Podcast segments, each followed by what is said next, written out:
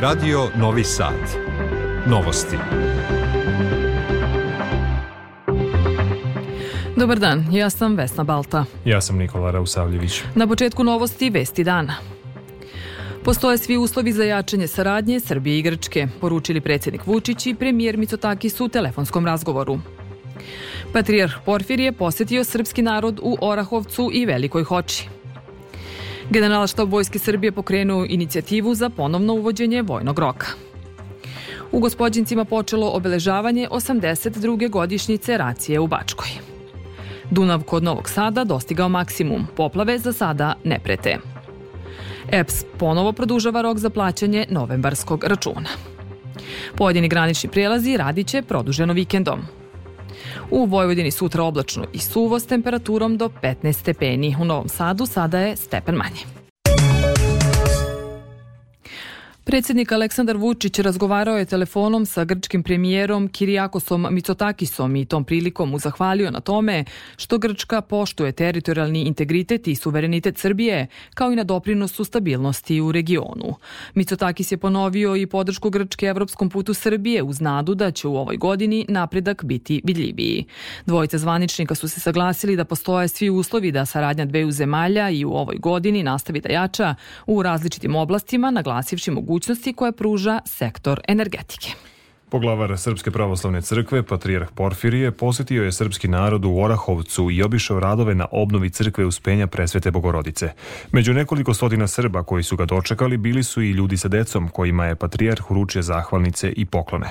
Posle Orahovca, patrijarh Porfirije obišao je i Srbe u Velikoj Hoči. On je juče stigao u sedište Srpske pravoslavne crkve, Pećku patrijaršiju, u okviru posete svetinjama na Kosovu i Metohiji, gde bi trebalo da zajedno sa srpskim narodom proslavi Božić.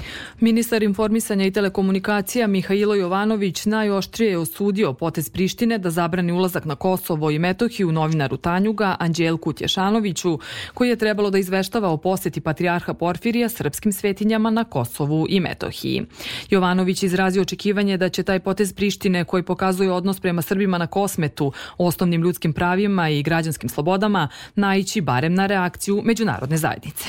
I Udruženje novinara Srbije sa svojim ogrankom Društvom novinara Kosova i Metohije najoštrije osudilo zabranu ulaska Utješanoviću na Kosovo i Metohiju. U izjavi za UNS Utješanović navodi da je putovao zajedno sa delegacijom Srpske pravoslavne crkve u kojoj je bio i patrijarh i da je bio najavljen kao član delegacije, ali da je bez ikakvog obrazloženja vraćen sa administrativnog prelaza. Slušajte novosti Radio Novog Sada, evo i ostalih vesti. Britanski ministar spoljnih poslova David Cameron izjavio je da će Velika Britanija pomoći Kosovu da ga priznaju zemlje koje to do sada nisu učinile, kao i da bude priznato u međunarodnim institucijama. Cameron je nakon sastanka sa ministarkom spoljnih poslova privremenih institucija Donikom Gervalom rekao i da London želi da pomogne Prištini u oblasti bezbednosti, ekonomije, vladavine prava i borbe protiv korupcije. Ministar spoljnih poslova Ivica Dačić poručio je da je izjava njegovog britanskog kolege Davida Cameruna da će Velika Britanija pomoći Prištini da dobije nova priznanja krajnje licemerna i da zaslužuje najoštriju osudu. Dačić je između ostaloga naglasio da Cameron nijednom rečju nije spomenuo da Albin Kurti i prištinske vlasti već 11 godina odbijaju da sprovedu briselski sporazum koji je, podsjeća između ostalih, potpisala i za njega garantovala u ime Evropske unije Catherine Ashton. A ministru unutrašnjih poslova u takozvanoj kosovskoj vladi Đeljaju Svečlji vlasti u Srbiji nisu odobrile posetu Medveđi, Bujanovcu i Preševu. On je na društvenim mrežama naveo da mu je poseta odbijena bez obrazloženja. Istakao i da će Priština odgovoriti merom reciprociteta. Republička izborna komisija objavila je rezultate izbora na osnovu svih obrađenih biračkih mesta, a ukoliko ne bude prigovora, u roku od 96 sati od prijema svih zbirnih izveštaja o rezultatima glasanja treba da proglasi konačne rezultate. Posle toga, u narednih 10 dana, RIK treba i da dodeli mandate poslanicima. Predsednica vlade Srbije Ana Brnabić uputila je pismo predsedniku partije evropskih socijalista Stefanu Lofrenu kojem je, u kojem ga je pozvala na nastavak saradnje i konstruktivnog dijaloga i pružila dodatna pojašnjenja u vezi sa stavovima iznetim u javnosti o pojedinim posmatračima izbora iz te političke grupacije. Ona je u pismu u koje je Tanjug imao uvid napisala da u skladu sa posvećenošću demokratskim principima i transparentnosti vlade Srbije koristi tu priliku da mu pruži dodatna pojašnjenja i izvoji potencijalne nesporazume koji su mogli da se pojave. Države. Generalštab Vojske Srbije predložio je predsjedniku Republike i vrhovnom komandantu Vojske Srbije ponovno uvođenje obaveze služenja vojnog roka u trajanju do četiri meseca, saopštilo je Ministarstvo odbrane. Cilj te inicijative je podizanje odbrambenih sposobnosti Vojske Srbije kroz podmlađivanje i unapređenje popune i obučenosti aktivnog i rezervnog sastava, navedeno je u saopštenju. Januar je mesec u kojem se mnoga mesta u Vojvodini prisjećaju zloglasne racije mađarskih fašista u drugom svetskom ratu i odaju počast hiljadama nevinih žrtava. Obeležavanje 82. godišnjice počele u gospodincima služenjem liturgije i godišnjeg parastosa za nevine žrtve. Opširnije Davorka Jelena Draško. Pogrom Srba, Jevreja i Roma u Vojvodini, odnosno Novosadska racija, počela je na današnji dan 1942. godine i trajala je do 21. januara.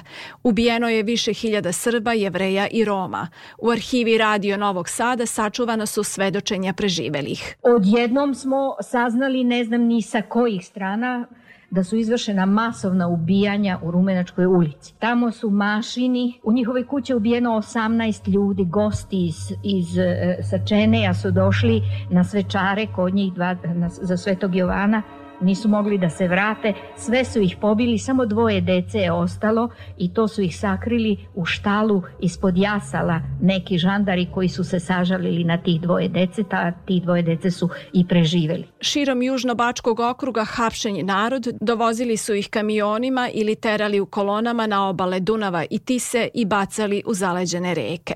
Na velikome štrandu stojala je jedna duga kolona koju smo bili priključeni stojeći u snegu do kolena, a i sa jedne i sa druge strane bili smo sa najjačom stražom, vojnom i žandarmerijskom sa bajonetima na puškama čuvani. Fašistički okupator, to je kaznena ekspedicija koja je ove egzekucije vršila, prozivala je porodicu po porodicu, čija je dužnost bila da se skinu u donji veš, da poskidaju minđuše, prstenje, zlatne zube i šta je ko već imao i pošto su bili likvidirani, bacani su u Dunav. Negovati molitvenu uspomenu na sve stradale naša je sveta dužnost, ali i negovati zajedništvo sa svima oko nas, bez obzira na veru ili naciju, poručio je episkop Bački Irinej služeći parastos u Gospodjincima, gde je od 4. do 9. januara 1942. godine stradalo više od 80 meštana tog sela. Ono što je važno znati jeste da molitveni pomen nikada ne može biti protumačen kao neka vrsta negovanja duha revanšizma, ljubivosti, želje da se pripadnicima onih naroda iz kojih su ponikli zlikovci, da se njima desi bilo kakvo zlo. Ne smemo zaboraviti da je jedan broj zlikovaca, oni kao i u našem sobstvenom narodu i u prošlosti, starijoj i novijoj. I to postoji kod svih. Podsećamo da će u Novom Sadu biti izgrađen memorialni centar posvećen raciji. Svet. Najmanje 14 palestinaca je ubijeno, uključujući i devetoro dece, u izraelskom bombardovanju Kan Junisa na jugu poasa Gaze. Izraelska vojska je umeđu vremenu saopštila i da je u Kan Junisu ubila nekoliko boraca Hamasa, kao i da je pogodila Hamasovo skladište oružja. Rusko ministarstvo odbrane je saopštilo da je 248 ruskih ratnih zarobljenika vraćeno u Rusiju iz Ukrajine kao rezultat, kako su naveli, složenih pregovora u kojima su posredovali Ujedinjeni Arapski Emirati. Istovremeno, ukrajinski predsjednik Volodimir Zelenski saopštio je da je više od 200 ukrajinskih ratnih zatvorenika vraćeno iz Rusije. A vojna vlada u Mjanmaru amnestirala je 10.000 zatvorenika u sklopu obeležavanja 76. godišnjice dobijanja nezavisnosti od Velike Britanije, ali nije za sad jasno da li su među oslobođenima i politički zatvorenici koji se protive vojnoj vladavini. Šef Vojnog saveta Min Aung Hyang odobrio je oslobađanje 114 stranaca koji će biti deportovani. Ekstremno niske temperature, praćene olunim vetrom i snegom, izazvale su pustoš širom nordijskog regiona, ostavljajući hiljade ljudi bez struje. U artičkom delu Švedske temperature su pale na minus 38 stepeni, dok su u susednoj Danskoj vetar i sneg pogodili severne i zapadne delove zemlje. U novostima ponovo domaće teme. EPS je odlučio da produži rok za plaćanje novembarskog računa za struju do 29. januara, izjavio izvršni direktor snabdevanja u tom preduzeću Radovan Stanić. On je za RTS rekao i da se elektroprivreda oporavlja od decembarskog sajber napada koji je otežao isporuku i naplatu novembarskih računa za struju domaćinstava. Ja moram da saopšte da je EPS u ovom trenutku donio novu odluku, tako da rok za plaćanje novembarskog računa pomera se na 29. januar, odnosno u isti datum kada će biti rok za plaćanje decembarskog računa. Svi kupci koji do tog momenta izmjere novembarski račun moći će da ostvare propust na 5%. Smatramo da na ovaj način izlazimo kupcima u susret jer oni ne smeju trpeti zbog naših problema koje smo imali sa sajber napadom. Vodostaj Dunava kod Novog Sada je dostigao svoj maksimum. Od juče Dunav je porastao 5 cm. Iz Republičkog hidrometeorološkog zavoda navode da se na mernim stanicama uzvodno od Novog Sada beleži pad vodostaja. Ipak u nebranjenom području grada poput Kamenjara i Riberskog ostrva voda je prethodnih dana prodrla u kuće i vikendice. Izveštava Marko Brajković. Hidrolog iz Republičkog hidrometeorološkog zavoda Dejan Vladiković izjavio je za radio televiziju Srbije da vrh poplavnog talasa na Dunavu prolazi i da nema razloga za brigu. Narednih dana očekuje se pad vodostaja. Aktualne podaci kažu da smo sad, da imamo kod Novog Sada vrh talasa i za par časova će on polako krenuti da opad na uzvodnom, da kažemo, toku Dunava, od stanice Bezdan pa preko Apatina, da kažemo Bogojeva, već imamo ipak značajne opadanje vodostaje, znači ovaj talas polako prolazi. Voda je ušla u većinu kuća i vikendica na Ribarskom ostrvu, a građani su prateći situaciju izmestili stvari na više nivoje objekata. Prema rečima predsednika Sportsko-rekreativnog udruženja Ribarac Ivice Augustina, potrebno je da se voda povuče za oko 60 cm da bi se stvari vratile u normalu. Mi se trudimo koliko možemo da ovaj, sami vodimo računom u udruženju, jer da vas podsjetimo, ovo je korito reke, jel tako? I mi to znamo, tamo na, prema špicu je 550, ovo je ovde 600, voda uđe i izađe, onda svako se pobrine ispred svoje vikendice da sredi, mi iz uprave. Na, nekad napravimo radnu akciju, nekad angažujemo neke ljude, sredimo to i vreme ide dalje. Plavni talas nije ugrozio plovila koja se nalaze u novosadskim marinama. Građani koji nisu izmestili svoje čamce i brodove nemaju razloga za brigu, jer su vezovi za brodove predviđeni i za mnogo viši vodostaj, poručuju iz novosadskih marina. Naredna priča u novostima stiže nam iz Kikinde. Učenik gimnazije Dušan Vasiljev, Stefan Varga, jedini je kikinđanin koji je postao član Zlatnog odeljenja Srbije, koje okuplja 112 učenika iz čitave zemlje koji su u protekloj godini pohađali osmi razred i koji su se plasirali među 70 odsto najuspešnijih učesnika na najmanje dva republička ili međunarodna takmičenja. Priču nam donosi Branislav Ugrinov. Đak generaciji osnovnoj školi Sveti Sava i učenik gimnazije Dušan Vasiljev, Stefan Varga, jedini kikinđanin i jedan od troje učenika iz Vojvodine koji je postao član Zlatnog odeljenja Srbije. Prvi put je u Palati Srbije nagrađeno 112 osnovaca koji su postigli sjajne rezultate na republičkim i međunarodnim takmičenjima. Stefan od petog razreda učestvuje na takmičenjima iz matematike, fizike i programiranja. Znači zato što me podsjeća da nasim da radim, da radim istim tempom i ja sam neki kikinđanin, to znači da sam postigao to dovoljno dobre rezultate za misiju koja sam ostvario. Na osnovu uspeha postignutih na pet republičkih takmičenja, Stefan je ponosni član Zlatnog odeljenja. O njemu smo porazgovarali i sa njegovim razrednim starešinom Snežanom Zamurović. Stefan je jedno vedro, veselo dete, vrlo socijalizovano, znači on se druži sa svima u odeljenju, on nema nikakvih problema, e, sad zato što je on izuzetan u svim oblastima, fizika, matematika, informatika. Na osnovu postignutih rezultata nagrađeni učenici postali su članovi Zlatnog, Srebrnog i Bronzanog odeljenja. Evo što Stefanu Stefanu kaže i Mirjana Dražić, direktorka gimnazije Dušan Vasiljev. Mi očekujemo da će Stefan nastaviti da niže uspehe kod nas, da će se profesori potruditi da mu pruže što bolje znanje i što, što više rada, potencijalnog rada sa njim kao jednim posebnim učenikom, ali i do njega zavisi koliko će se on potruditi, a mislim da hoće, jer je veliki potencijal. Mladi kikinski učenik učestvovao je na preko 10 republičkih takmičenja, a svoju školu predstavljaju i na tri srpske olimpijade. Posebnu dražu svemu ima i ljubav prema muzici i sportu, pa se pored sviranja klavira, ovaj svestrani naučnik posvetio i tenisu, a tek je započeo svoj život. Ministarka za brigu o porodici i demografiju Darija Kisić i predsednik Narodne skupštine Vladimir Orlić uručili su oko 200 novogodišnjih paketića deci oboleloj od redkih bolesti.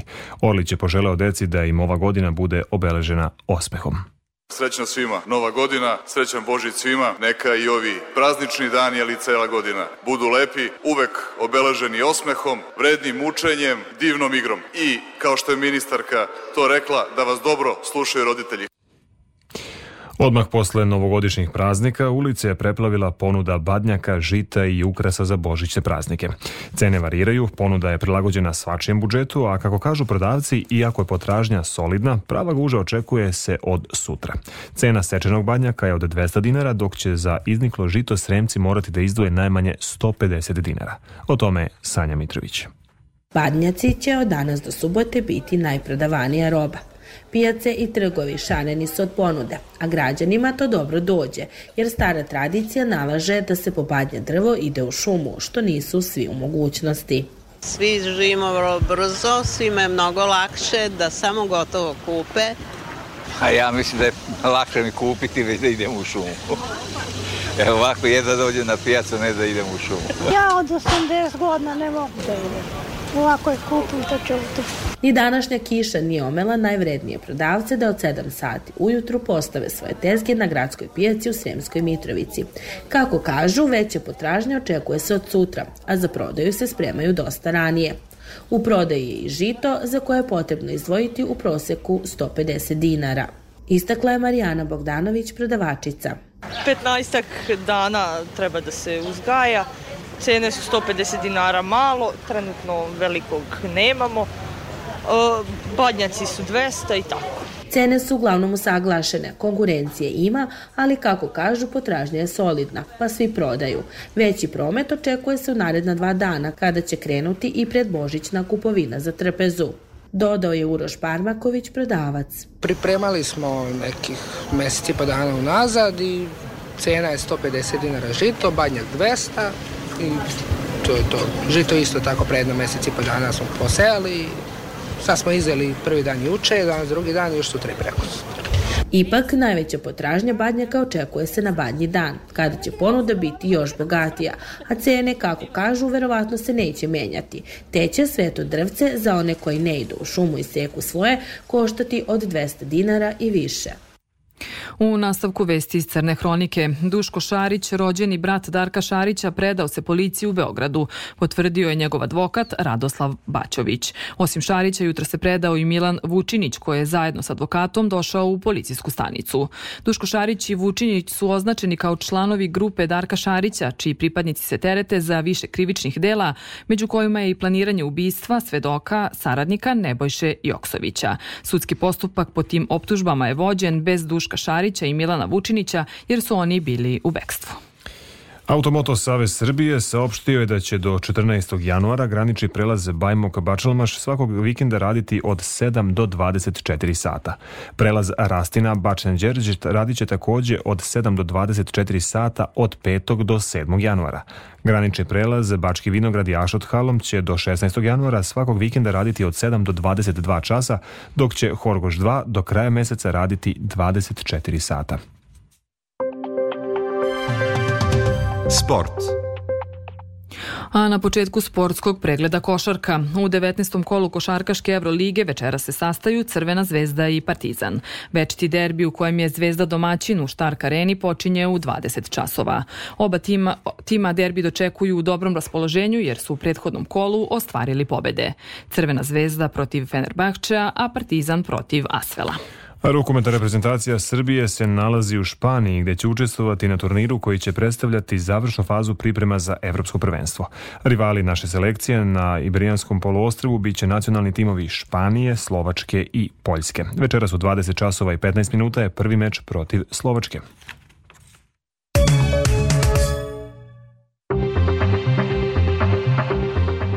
Pred kraj novosti još jednom vesti dana. Postoje svi uslovi za jačanje saradnje Srbije i Grčke, poručili predsjednik Vučić i premijer Micotakis u telefonskom razgovoru.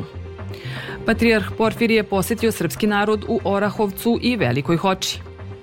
Generalštab Vojske Srbije pokrenuo inicijativu za ponovno uvođenje vojnog roka.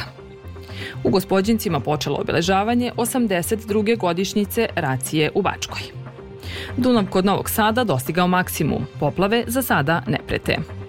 EPS ponovo produžava rok za plaćanje novembarskog računa. U novostima smo čuli i koji granični prelazi će raditi produženo vikendom.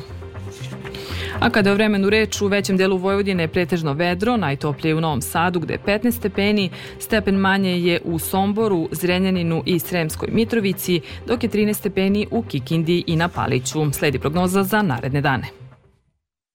U Vojvodini u petak malo da umereno oblačno suvo i dalje nadprosečno toplo uz slab da umeren južni i jugoistočni vetar, koji će krajem dana i tokom noći biti u pojačanju. Najniža temperatura od 0 do 3, a najviše od 12 do 15 stepeni. Krajem dana i u toku noći lokalna pojava slabe kratkotrajne kiše. U Vojvodini u subotu umereno oblačno i dalje toplo i vetrovito uz umeren i jak južni i jugozapadni, a u košarskom području jugoistočni vetar, na jugu Banata sa udarima olujne jačine. U nedelju oblačno sa kišom uz zahlađenje. Za radio Novi Sad, meteorolog Miodrag Stojanović. Slušali ste novosti prvog programa radija Radio Televizije Vojvodine. Novosti tonski realizovao Danijel Stojanović, producenti Branislava Stefanović i Zoran Bečejac. Novosti uredila i vodila Vesna Balta. Ja sam Nikola Rausavljević. Ostanite uz naš program. Želimo vam prijatno popodne.